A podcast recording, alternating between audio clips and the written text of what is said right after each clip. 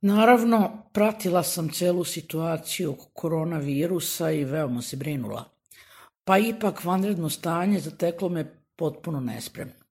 Upravo tog dana bila sam kod čerke u Beogradu i upravo ona mi je rekla da pođem kući večernjim autobusom, jer možda već sutra autobusa neće biti. Bila je potpuno u pravu. Kad sam ušla u autobus, objavljeno je vanredno stanje. Od tada, sve ovo vreme, tokom vanrednog stanja, ona me je pozivala da prozgovara sa mnom svakog dana. Svakog dana me je hrabrila. Nisam se odrekla svoje kćeri i to sam javno rekla i za toga stojim. Šta bi uopšte značila moja podrška bilo kojoj ideji ili osobi ako ne podržim svoju rođenu decu? Šta bi značila takva podrška, mislim? Lako je teoretski podržavati bilo koga i bilo šta, ali hajmo konkretno na delu. Plašila sam se korone, naravno. Nisam sjajnog zdravlja, ni inače, živim sama, a kao nezaposlena ko zna, možda ne bih imala ni pristup nekim zdravstvenim uslugama koje bi mi bile potrebne.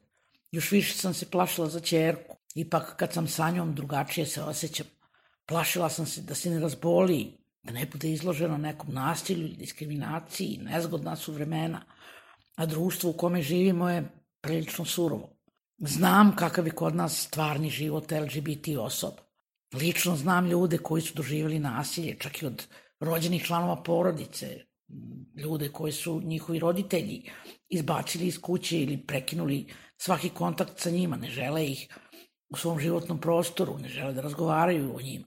U vremenu pandemije najteže mi je palo upravo ovo zatvaranje u kuće, nemogućnost da bilo gde putujem, osjećanje da sam zarobljena u stanu.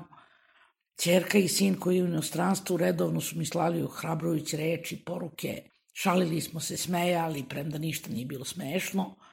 Oni oboje imaju svoje interesovanja koja dele sa mnom, a ja sam se u onim periodima kad smo cele vikende bili unutra, naoružala dobrim knjigama, gledala dobre filmove i serije, pisala, kontaktirala sa dragim ljudima.